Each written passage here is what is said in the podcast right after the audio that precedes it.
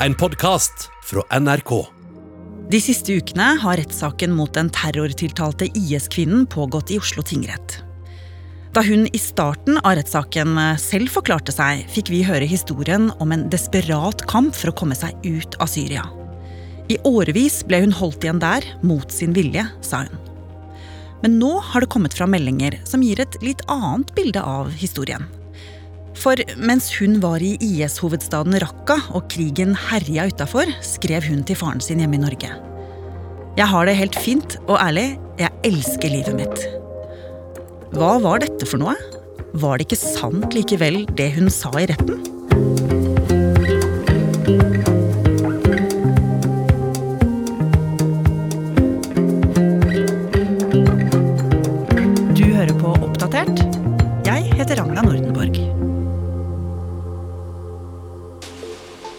Da aktor Geir Evanger gikk inn i Oslo tingrett en morgen nå i mars, hadde han en stor oppgave foran seg. Å overbevise dommerne om at IS-kvinnen er skyldig i å ha deltatt i en terrororganisasjon. Bare noen dager tidligere hadde jo IS-kvinnen selv sittet og forklart seg om hvordan hun ville ut av Syria, og at hun ikke støtta IS. Og nå i uke to skulle aktor vise en annen side av saken. Med seg i bevisposen hadde han en rekke tekstmeldinger og avlyttede telefonsamtaler. Og Martin Sondag, krimjournalist her i NRK Nyheter. Du dekker rettssaken mot IS-kvinnen for nrk.no. Og hva skjedde etter at eh, aktor tok over? Nå som det var aktor sin tur til å legge fram sin eh, side av saken, fikk man et litt mer eh, nyansert bilde, og et litt annet bilde av hvem hun er. Og man skjønner litt mer av hvorfor aktor mener at hun kan dømmes for å ha vært med i en terrororganisasjon.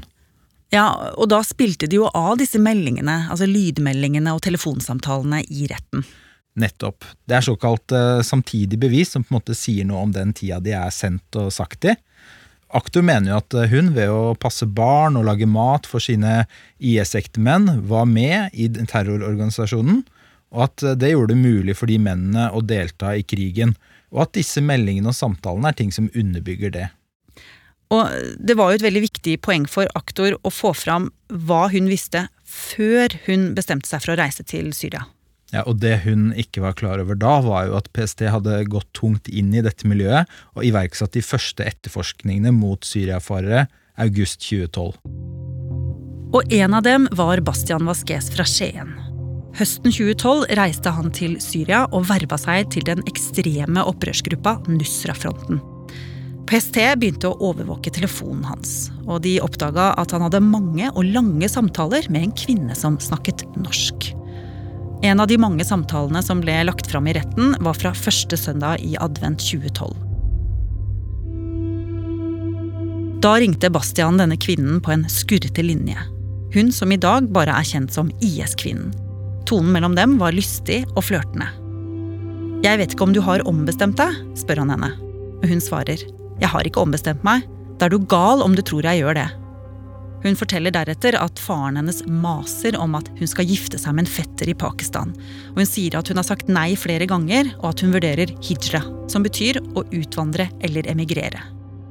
I samme samtale lover Bastian at hun skal få hus og hage om hun kommer til Syria. Hun sier hun vil starte barnehjem om hun kommer ned. Ingen av dem vet at PST overvåker samtalen. Han forteller henne at han har kjøpt seg et sykt, sykt våpen. En AK-47. Tuller du? Har du brukt det? spør hun. Pow, pow, pow. Ha-ha-ha. AK-47. Beste du finner på markedet, svarer han.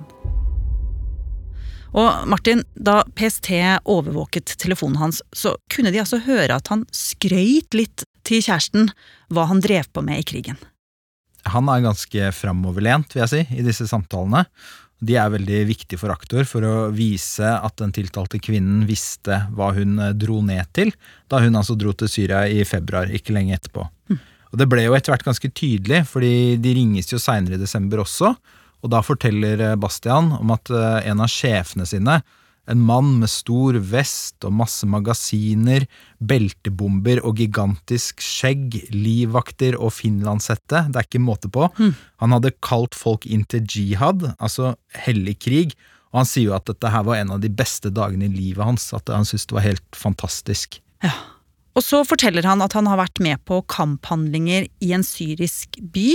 Eh, han skriver at vi omringa dem og slakta dem. Og generalen sa at han skulle ta alle kvinnelige muslimer som slaver. Og avslutter i denne passasjen med å si vi kutta av huet hans. Veldig drøye opplysninger dette her han kommer med. Vet vi at det stemmer? Nei, det vet vi ikke, og det har ikke vært noen andre bevis som eh, tyder på det eh, i saken. Men det er for så vidt ikke så viktig for påtalemyndigheten, for det poenget her, fra deres ståsted, er jo at hun fikk eh, masse informasjon om at kjæresten holdt på med urovekkende ting, og at han deltok i en organisasjon som eh, sto på USAs terrorliste. Mm. Og det var det til og med hun som fortalte han. Nettopp. Der fikk vi høre den samtalen hvor hun opplyser han om at Nusra-fronten er terrorlista av USA, og hun opplyser også at eh, grunnene til det er at de samarbeider, eller at de er en del av Al Qaida. Ja, Og hvordan responderte han på den opplysningen? Nei, Han uh, syntes det var morsomt, fordi det var ikke noe nytt for uh, han. I januar 2013 gifter IS-kvinnen og Bastian seg via nett. Og noen uker seinere er hun klar til å dra ned til Syria. Hun tar opp et kredittlån. Hun drar på XXL på Sandvika Storsenter for å kjøpe inn klær og utstyr til Bastian, som hun har lovet å ta med ned. Og på den andre siden av byen, på Stovne senter, tar hun ut 10 000 kroner i cash. Og så reiser hun, med en venninne som vi har beskrevet i en tidligere episode, til landet der borgerkrigen er i full gang. Det har vært en eh, ny blodig dag i Syria. Barn blir brukt som levende skjold i krigen. Really, there's been extraordinary violence against children uh, in Syria. Framme i Syria er hun altså kona til Bastian. Og venninnen som var med på turen, får etter hvert eh, hjelp av sin angrende fremmedkrigermann å reise ut av landet. Men verken IS-kvinnen eller Bastian ser ut til å angre så langt.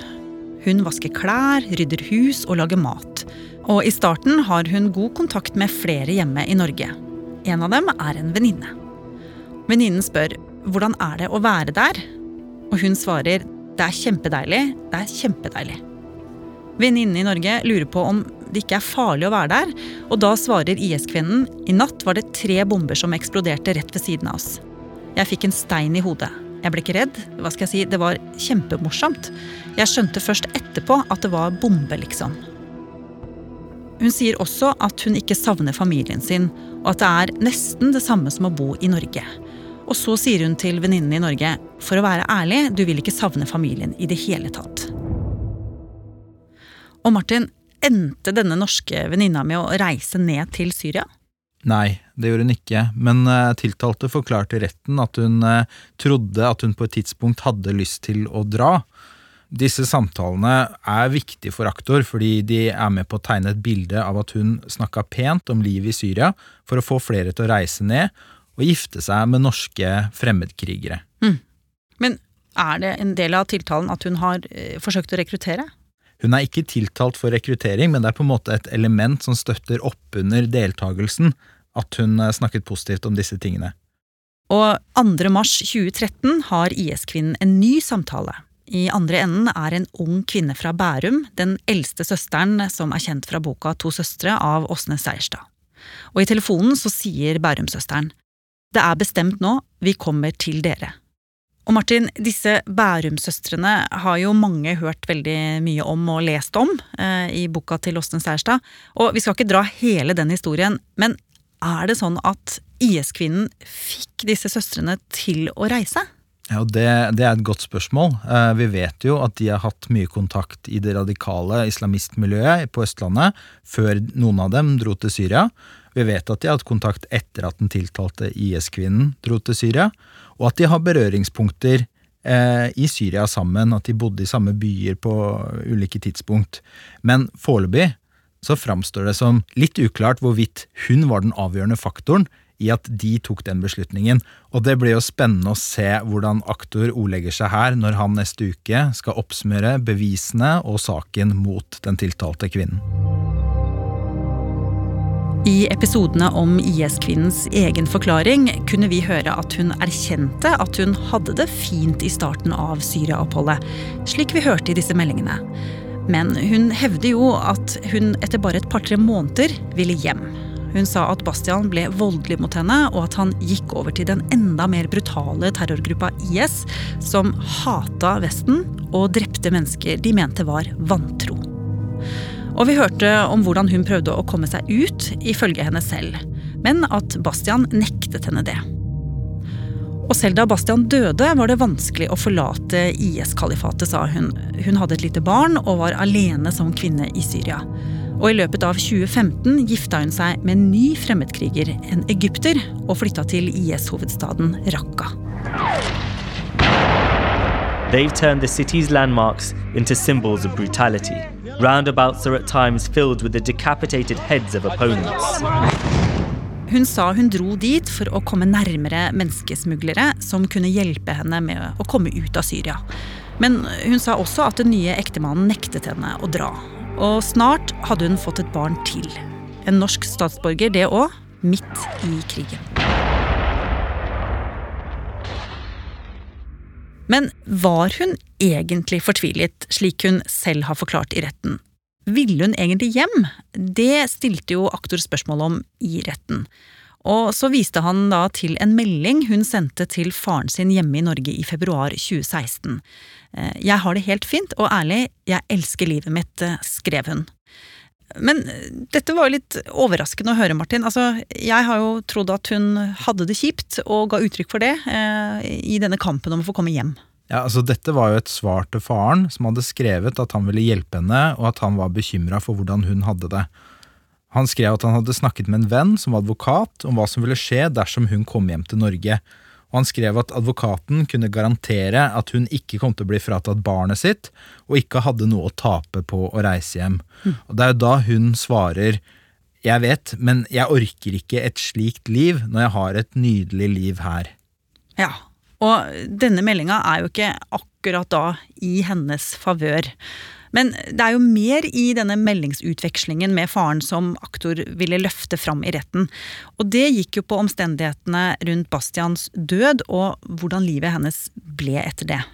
Ja, så Faren er jo bekymra for om de klarer seg, og da skriver hun at eh, hun har fått en slags eh, enkepensjon fra eh, IS. da, og Det er et engangsbeløp, men det er også et månedlig beløp på 135 dollar i måneden. Ja, og En annen ting som det er verdt å merke seg med denne meldingsutvekslingen, er jo at det er først her hun eh, sier at Bastian Vasques er død, eller bekrefter det da, overfor faren, som spør. Og da har det gått nesten et år siden han døde. Mm. Og Hun har jo forklart i retten at grunnen til det var jo at hun visste at faren kom til å bli veldig veldig bekymra når han ble klar over at hun ikke hadde noe ektemann til å passe på seg, uavhengig av hva slags fyr Bastian Vasques var. Og hun var nå over tre år ute i Syria-oppholdet. Men det var ikke bare faren hun melda med på den tiden.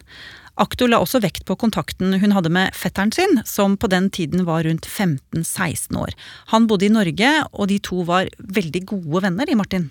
Ja, de hadde mye kontakt. Det var mye åpen eh, kommunikasjon mellom de og mange temaer.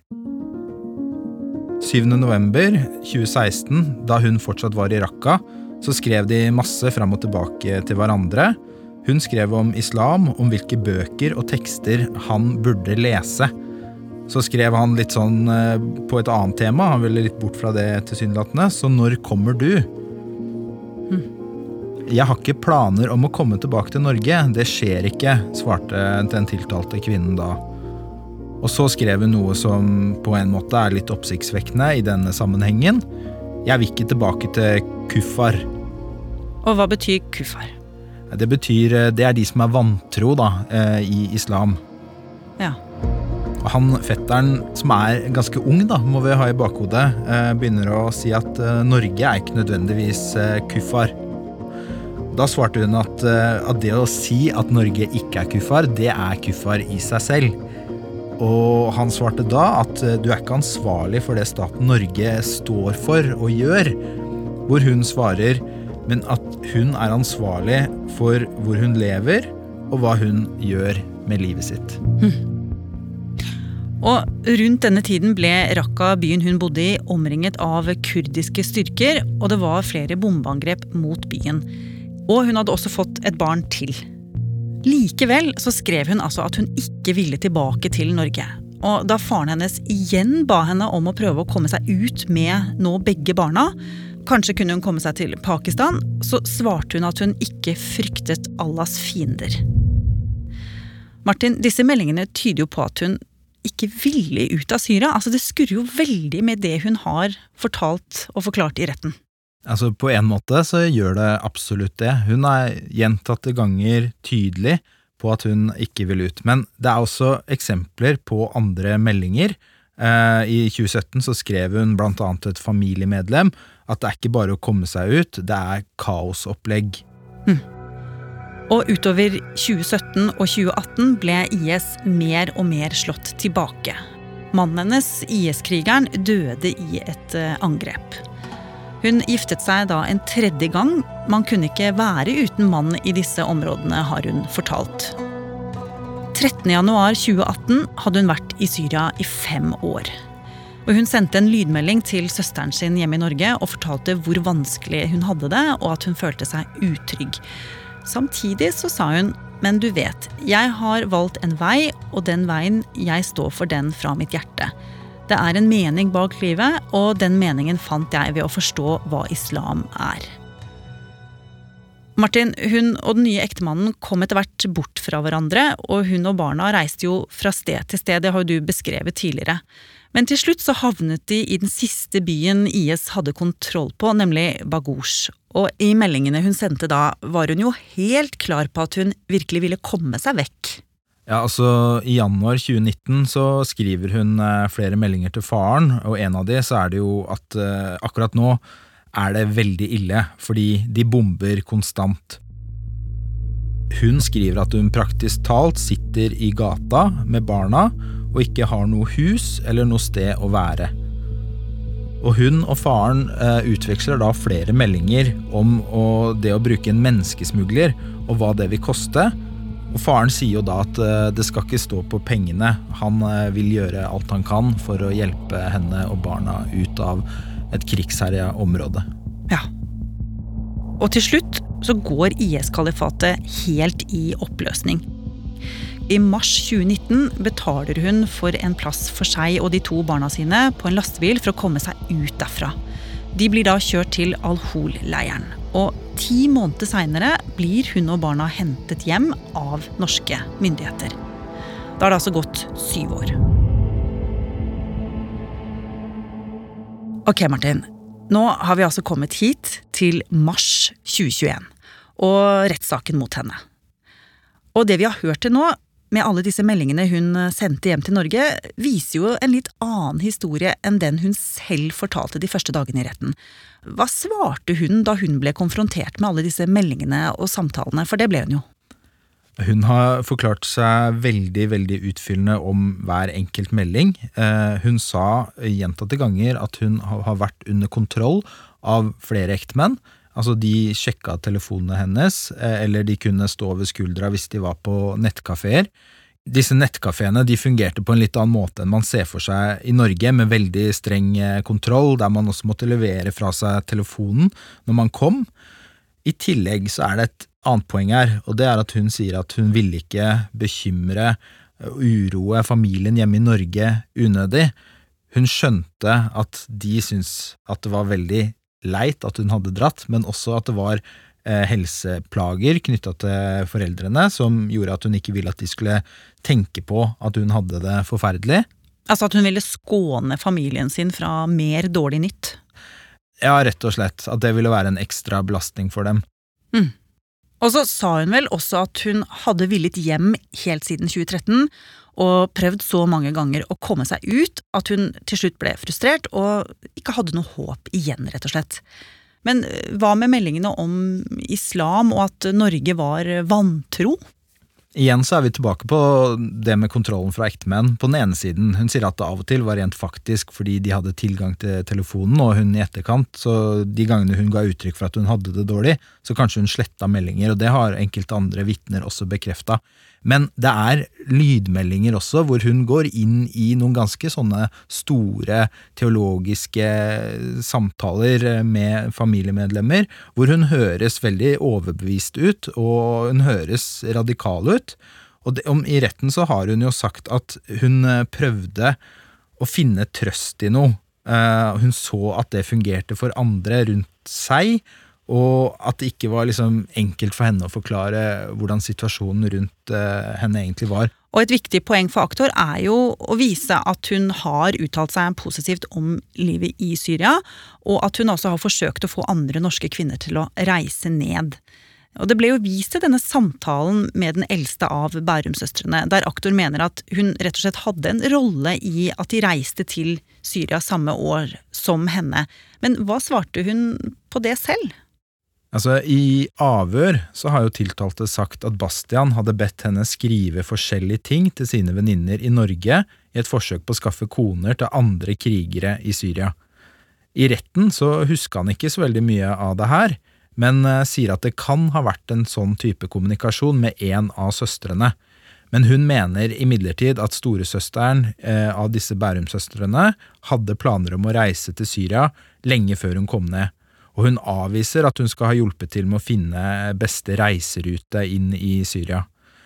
Det hun derimot har vært åpen på, var at hun var jo fornøyd eh, den første tida i Syria, og at det var derfor hun snakka pent om det til venninner, og at det var først etter noen måneder at hun ville hjem. Og nå nærmer jo rettssaken seg slutten.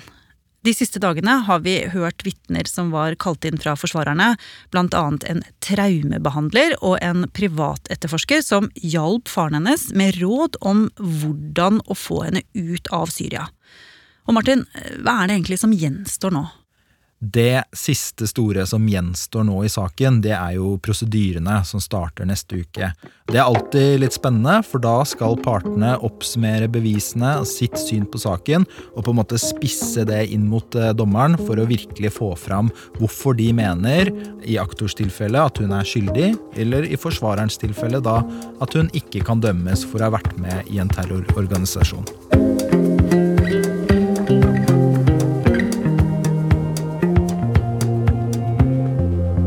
Har du lyst til å bli fast lytter av oss i Oppdatert og få påminnelse om nye episoder, er det bare å følge oss i NRK radioappen. Og så er det veldig hyggelig hvis du vil anbefale oss til en venn. Oppdatert er en podkast fra NRK Nyheter, og denne episoden er laget av Irina Kjelle, Pål Gauslå Sivertsen, Andreas Berge og meg, Ragna Nordenborg. Eva Midthun Leira er redaksjonssjef. Vil du kontakte oss, gjør gjerne det på oppdatert krøllalfa nrk.no. Du har hørt en podkast fra NRK. Hør flere podkaster og din favorittkanal i appen NRK Radio.